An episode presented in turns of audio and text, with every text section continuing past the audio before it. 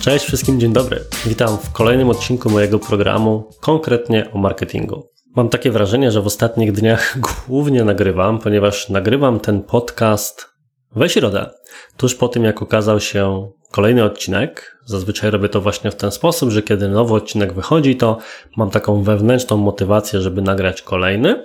Mimo, że oczywiście jest pewien zapas odcinków przygotowany, żeby w piątek móc go dostarczyć Jędrzejowi ale tak się akurat stało, że wprowadziłem sobie ostatnio pewien podział pracy w zakresie dni i mam takie dni, nazwijmy to kontentowe, kiedy przygotowuję materiały na YouTube'a, również teksty na blog.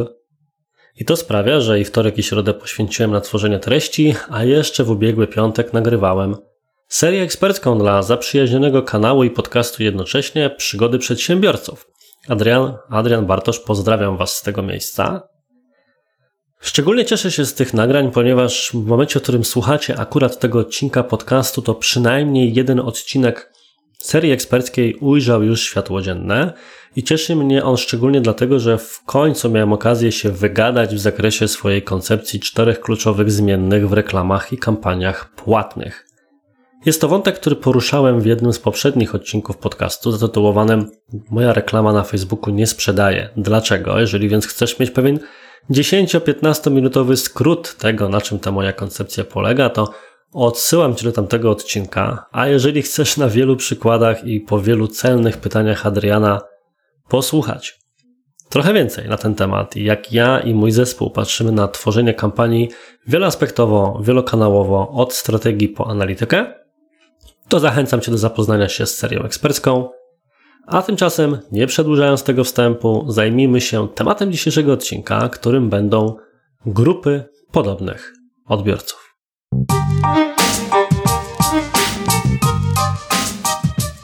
Grupy podobnych odbiorców z angielskiego Lookalike Audiences to pewna mechanika, która funkcjonuje praktycznie w każdym systemie reklamowym. Może się stworzyć na LinkedInie, może się stworzyć na Google, Natomiast jak tak rozmawiam z marketerami i przedsiębiorcami, to najbardziej kojarzona jest przede wszystkim z Facebookiem.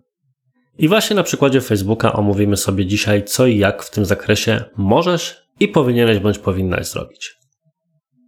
Zacznijmy może od pytania, które od razu naturalnie ciśnie się tym osobom, które nie miały jeszcze do czynienia z takimi grupami na usta, czyli czym w zasadzie grupy podobnych odbiorców są. Cóż, działa to w ten sposób, że na Facebooku mamy tak naprawdę trzy rodzaje grup odbiorców. Pierwszą grupą, ja zawsze na to mówię, choć ona tak oficjalnie nie jest nazywana, są to tak zwane grupy standardowe. Grupy standardowe, czyli grupy, które powstały w oparciu o dane, jakie Facebook, Instagram, WhatsApp, Messenger już o nas mają. Jakie są zainteresowania grupy docelowej, jakim są wieku, gdzie mieszkają itd., tak itd. Tak Więc wszystkie te opcje, które ustawia się bezpośrednio na poziomie zestawu reklam. Drugim rodzajem grupy są grupy niestandardowe. Najprościej rzecz ujmując, możemy powiedzieć, że są to grupy remarketingowe, czyli jest to docieranie do osób, które już w jakiś sposób zetknęły się z naszą marką. Takimi grupami są na przykład osoby, które były na naszej stronie, takimi grupami są osoby, które mamy w bazie mailowej, w bazie klientów, albo osoby, które wchodziły w interakcję na przykład ze stroną na Facebooku, tak się nazywa fanpage według Facebooka, czy na przykład z kontem na Instagramie. Możemy więc stworzyć sobie grupę spośród osób, które na przykład właśnie angażowały się pod naszymi postami. Otrzymamy wówczas po prostu zbiór ludzi, nie będziemy wiedzieli, co ich łączy, czy jacy są to osoby, dostaniemy tylko numer. No ale hej, możemy dotrzeć do osób, które wiemy, że zaangażowały się pod naszymi postami, czyli są zainteresowane w jakiś sposób naszą marką. I teraz tym trzecim rodzajem grup są właśnie grupy podobnych odbiorców. Działa to w ten sposób, że na podstawie każdej grupy niestandardowej możesz stworzyć grupę podobną. Prosisz więc de facto algorytm reklamowy Facebooka i Instagrama o znalezienie osób o podobnych cechach wspólnych, czyli jest to de facto pewna operacja na zbiorach.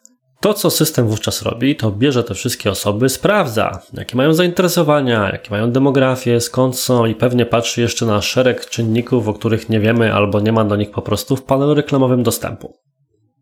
Clue jest takie, że wypluwa ci wówczas około 200 tysięcy, czasami więcej, czasami mniej, ludzi tak zwanych właśnie podobnych do tej grupy wyjściowej. A któż może być lepszym dla Ciebie punktem wyjścia do działań reklamowych czy do optymalizacji działań reklamowych niż na przykład osoby, które są podobne do Twoich klientów albo Twoich fanów?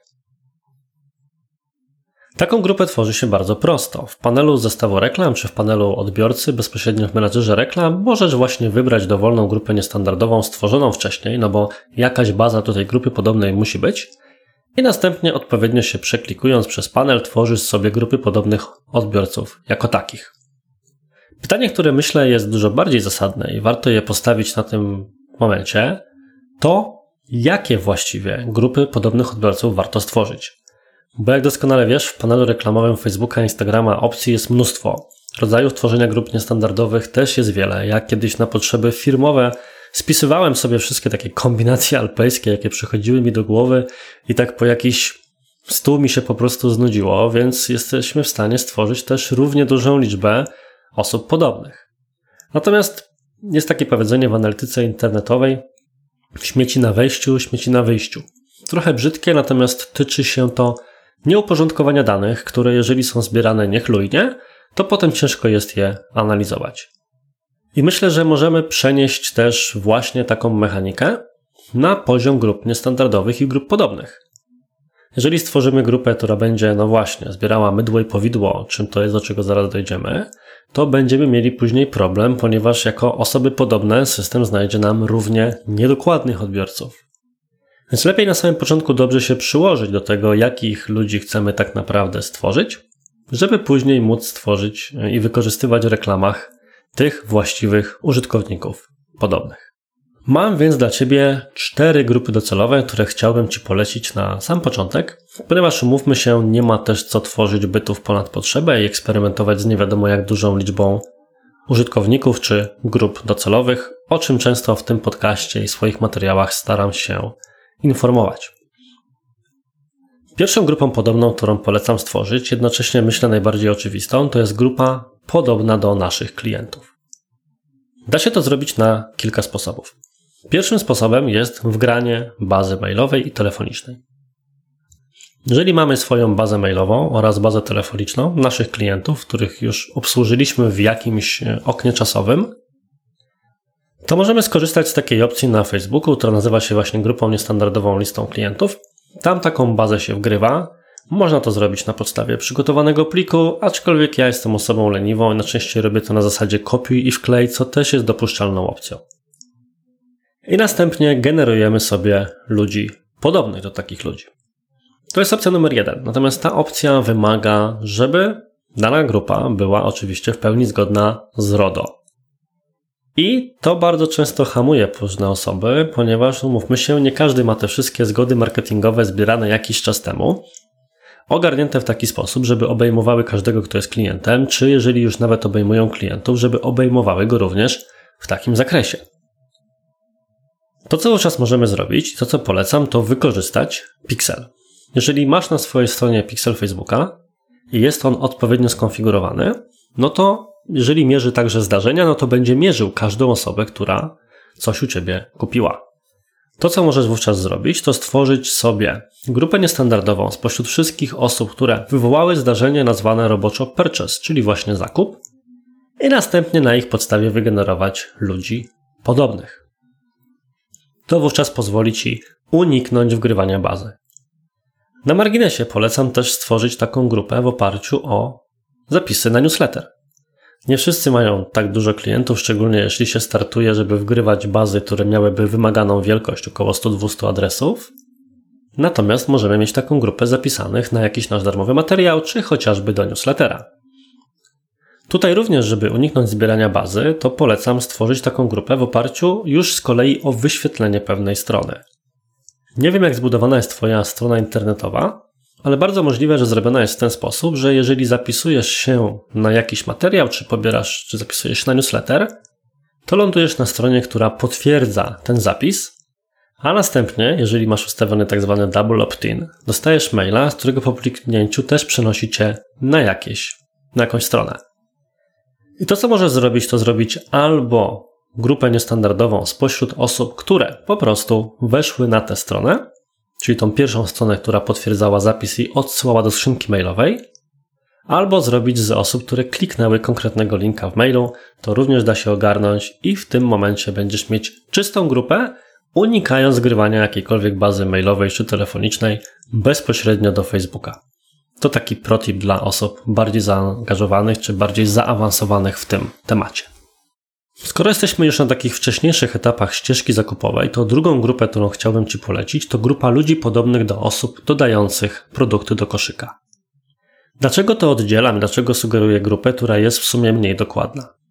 No cóż, jeżeli słuchałeś odcinka na temat optymalizacji, a kilka takich odcinków już na podcaście nagrałem, to wiesz, że Facebook, Instagram mierzą tak zwane zdarzenia i potrzebujemy około 20-50 zdarzeń per zestaw reklam, żeby system był w stanie nauczyć się Twojej grupy odbiorców, a co za tym idzie, docierać do bardziej wartościowych odbiorców już w ramach grupy podobnej i w ogóle, żeby sam zestaw reklam działał dobrze sam w sobie. Sęk w tym, że nie każda firma, czy nie każdy sklep internetowy będzie tyle zapytań miał. Firma B2B, no mówmy się, nie będzie miała prawdopodobnie 50 zapytań z jednej grupy reklamowej na Facebooku, a sklep internetowy może być na wcześniejszej fazie rozwoju i mieć tych zakupów w skali tygodnia kilkanaście. Natomiast to, czego będziemy mieli więcej, to będziemy mieli więcej na przykład w przypadku firmy B2B wyświetleń strony kontakt, a na przykład w przypadku sklepu internetowego dodań do koszyka właśnie, których przeważnie jest kilka razy więcej niż finalnych zakupów. No stąd tak duży nacisk w kampaniach w ogóle na Facebooku i wszędzie na odzyskiwanie porzuconych koszyków.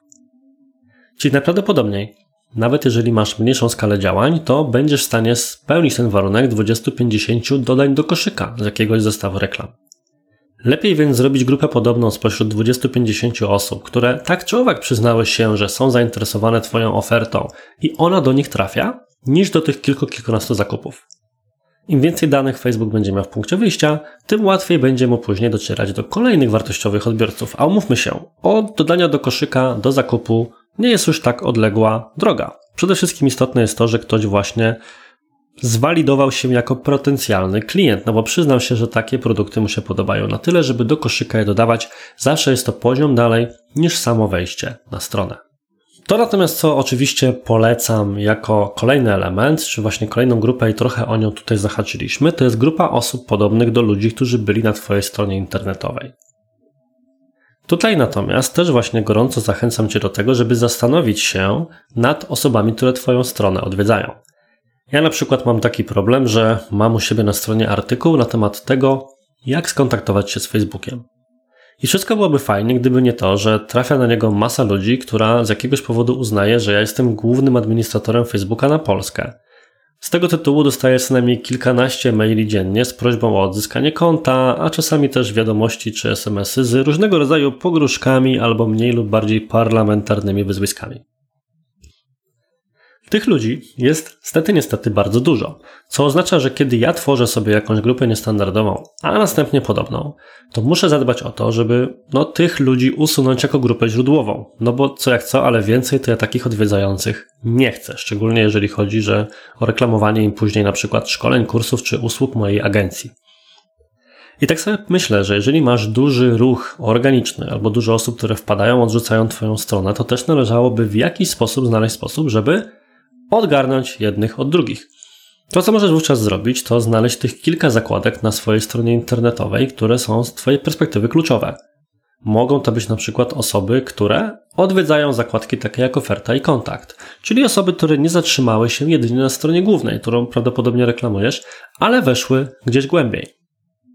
Dużo lepszą grupą dla Ciebie będzie więc grupa ludzi podobnych do osób, które odwiedziły na przykład te obie zakładki albo jedną z nich, niż generalnie ludzie podobni do wszystkich na stronie. A czwarta grupa docelowa, którą Ci polecam, to są ludzie podobni do osób aktywnych na Twoim fanpage'u bądź Instagramie. Taką grupę tworzy się bardzo prosto i w zasadzie myślę, że nie ma co się nad nią tutaj specjalnie rozwodzić. Z mojej perspektywy jest ona przydatna jako czwarta opcja z tego tytułu, że tutaj najprawdopodobniej najłatwiej będzie znaleźć systemowi osoby nowe, inne niż tych poprzednich grupach. Z jakiego powodu? No dlatego, że być może Twoja strona internetowa przyciąga trochę inny profil użytkowników niż po prostu Twoje media społecznościowe, więc będziesz w stanie łatwiej poszerzyć pole walki. Podsumowując więc, cztery grupy, które polecam. Ludzie podobni do Twoich klientów, ludzie podobni do osób, które dodają coś do koszyka, ludzie podobni do osób, które odwiedzają Twoją stronę, ale przede wszystkim konkretne zakładki, kluczowe z Twojej perspektywy, oraz ludzie podobni do osób aktywnych na Twoich mediach społecznościowych, przykład aktywnych na Facebooku albo aktywnych na Instagramie. Celowo pominąłem tutaj grupę tworzoną z fanów, ponieważ uważam, że Większość fanpage'y ma raczej słabo zbudowane grupy docelowe. Bardzo często na samym początku zaprasza się znajomych, później ci znajomi oraz w ogóle docelowi użytkownicy z uwagi na to, jak prowadzony jest profil, są mało zaangażowani, przestają nas obserwować. Poza tym do tego dochodzi szereg innych problemów, czyli to, że wśród fanów są osoby, które zaczęły nas śledzić 5 lat temu, a dzisiaj się nami średnio interesują.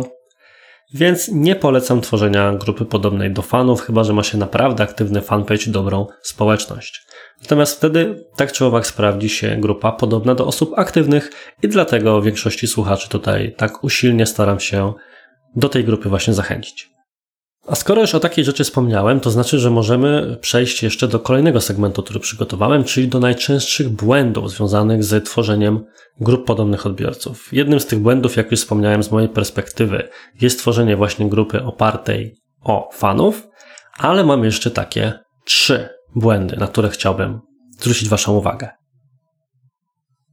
Pierwszy błąd to jest zbyt wysoka grupa, zbyt duża grupa, którą chcemy stworzyć. W momencie, w którym tworzy się grupę podobną, mamy do wyboru procent podobieństwa i mamy największe podobieństwo na poziomie 1% oraz najwyższe na poziomie 10%, co oznacza, że de facto będzie to co dziesiąty użytkownik tej grupy w danym kraju. Zauważyłem, że bardzo często osoby, które chcą po prostu mieć większe dotarcie, mówią: Aha, czyli im większy procent, tym dla mnie będzie lepiej. Startują więc z grupami podobnymi na poziomie 5-6%, co daje im kilkaset tysięcy użytkowników grupy docelowej albo wręcz miliony. Z mojej perspektywy nie jest to dobry ruch. Jeżeli nie mamy dużego ruchu na stronie, no to z naszej perspektywy i mojej agencji robimy tak, że trzymamy się raczej grup na poziomie 1-2%, to przy zagranicznych rynkach raczej uderzamy w przedział między 3 a 5. Tobie na sam początek oferuje trzymanie się jak największego podobieństwa i tym podobieństwem powinno być właśnie grupy podobne na poziomie 1%. Drugim takim problemem, który zauważam, jest problem związany z wielkością tej grupy, ale już nie w oparciu o procent, ale w oparciu o same ustawienia. Tak jak powiedziałem, grupę podobną tworzy się w oparciu o jakąś grupę niestandardową. I może to wyglądać w ten sposób, że tworzymy sobie grupę, na przykład w oparciu o ludzi, którzy byli na naszej stronie w ciągu ostatnich 14 dni, ale równie dobrze możemy zrobić sobie na przykład grupę w oparciu o naszych klientów w ciągu ostatniego roku. Tutaj natomiast warto by się było zastanowić nad tym, czy ktoś, kto był naszym klientem rok temu, ma potencjał na bycie nim podobnie. Czy nasza marka jest taką marką, jaką była jeszcze rok wcześniej. Ja uważam, że na samym początku nie ma co cofać się dalej niż 180 dni, a w przypadku sklepów internetowych najczęściej robimy tak między 30 a 90 dni. Podobnie to jest szczególnie ważne w kontekście wgrywania bazy mailowej, bo o ile zdarzenia Pixela to jeszcze luz, system sobie tam znajdzie osoby, które są nam realnie potrzebne, o tyle jeżeli wgrywamy bazy mailowe, to zauważyłem, że bardzo często reklamodawcy mają takie podejście, hmm, to ja mam tutaj bazę kilkunastu albo kilkudziesięciu tysięcy adresów zbieranych przez lata i ja sobie teraz te wszystkie adresy wgram. System mi ich znajdzie i będę ich teraz bombardował reklamą. Natomiast wśród tych osób najczęściej jest jakieś 80% osób, które Twoich maili nawet nie otwierają. I oczywiście możemy mieć taki pomysł na reklamę, żeby próbować ich zaktywizować właśnie reklamą na Facebooku. Ale jeżeli zależy nam akurat w tym konkretnym wypadku na tym, żeby wygenerować grupę podobną, której celem będzie no, poszerzanie pola walki i generowanie kolejnych klientów, to lepiej będzie wydzielić sobie segment takich naprawdę aktywnych, czyli osób otwierających nasze maile i na tej podstawie po prostu wygenerować podobnych. Wtedy mamy osoby podobne do osób otwierających nasze maile, a nie tylko osoby, które kiedyś zostawiły ten adres i generalnie już o nas zapomniały. A ostatni wątek sprawia, że będę musiał odesłać Cię do jeszcze innego odcinka podcastu, do odcinka, w którym opowiadałem o wykluczaniu i nakładaniu się grup odbiorców między sobą. Jest to jedna z najważniejszych rzeczy, na które musi zwrócić uwagę przy optymalizacji reklam, niezależnie od tego, czy korzystasz z nich, w nich z grup podobnych, czy z grup standardowych opartych o zainteresowania. W wielkim skrócie mówiąc, chodzi o to, że różne grupy to są tak naprawdę te same osoby pod różnymi nazwami. Na przykład grupa bieg na 10 km i bieg na 5 km, mimo że rozdzielona w ekosystemie reklamowym, to są tak naprawdę w 80% ci sami ludzie zdaniem systemu. I to, na co trzeba zwrócić uwagę, to że grupy podobne też mogą się na siebie nakładać. Bo jeżeli będziesz generować ludzi podobnych do swoich klientów, a obok ludzi podobnych do odwiedzających Twoją stronę www, no to hej, jedni i drudzy Przynajmniej część, jedna część zawiera się w drugiej części, co oznacza, że kiedy system będzie szukał podobnych, to nie jest tak, że w każdej grupie znajdzie zupełnie nowych użytkowników, tylko część z tych użytkowników będzie się pokrywać. A to oznacza, że powinieneś bądź powinnaś sprawdzać nie tylko to, do jakiej grupy chcesz się adresować, ale czy dana grupa podobna, której chcesz używać, nie będzie się pokrywała w jakiejś części z inną grupą podobną, której będziesz chciał użyć w innej kampanii. Rozwiązania takiej sytuacji są generalnie dwa. Albo ustawiamy dwa zestawy reklam, w których wzajemnie wykluczamy ze so między sobą obie grupy lookalike, albo jeżeli ten stopień pokrycia jest bardzo wysoki, to po prostu używamy tych grup jednocześnie w ramach jednego zestawu reklam. Nie będziemy wtedy wiedzieli, która z nich rzekomo była lepsza, ale nie warto wchodzić na tak granularny poziom. Moim zdaniem najważniejsze, żeby kampania działała, a cała reszta to już jest trochę wisienka na torcie pod tym kątem. I to tyle na dziś. Bardzo dziękuję Ci za wysłuchanie i mam nadzieję, że ten odcinek był dla Ciebie wartościowy. Na sam koniec, jeżeli wspomnę tylko w ten sposób, że cały czas prowadzę i już po pandemicznie, bardzo bezpiecznie i cały czas myjąc się płynem dezynfekującym w trakcie, szkolenia z reklamy na Facebooku i na Instagramie. Prowadzę je przynajmniej raz w miesiącu w Warszawie i jeżeli takie szkolenie Cię interesuje i chcesz właśnie pogłębić na przykład swoją wiedzę albo podstawową, z, albo zaawansowaną, to takie szkolenie ma dwa dni. Pierwszy dzień jest właśnie bardziej podstawowy, drugi bardziej zaawansowany i wszystkie terminy oraz informacje, które mogłyby Cię interesować, jak na przykład program, czy rozkład godzinowy, czy miejsce szkolenia, znajdziesz na stronie arturjabłoński.com szkolenia. A ja raz jeszcze bardzo dziękuję Ci za wysłuchanie tego odcinka i mam nadzieję, że usłyszymy się w kolejnym tygodniu. Cześć!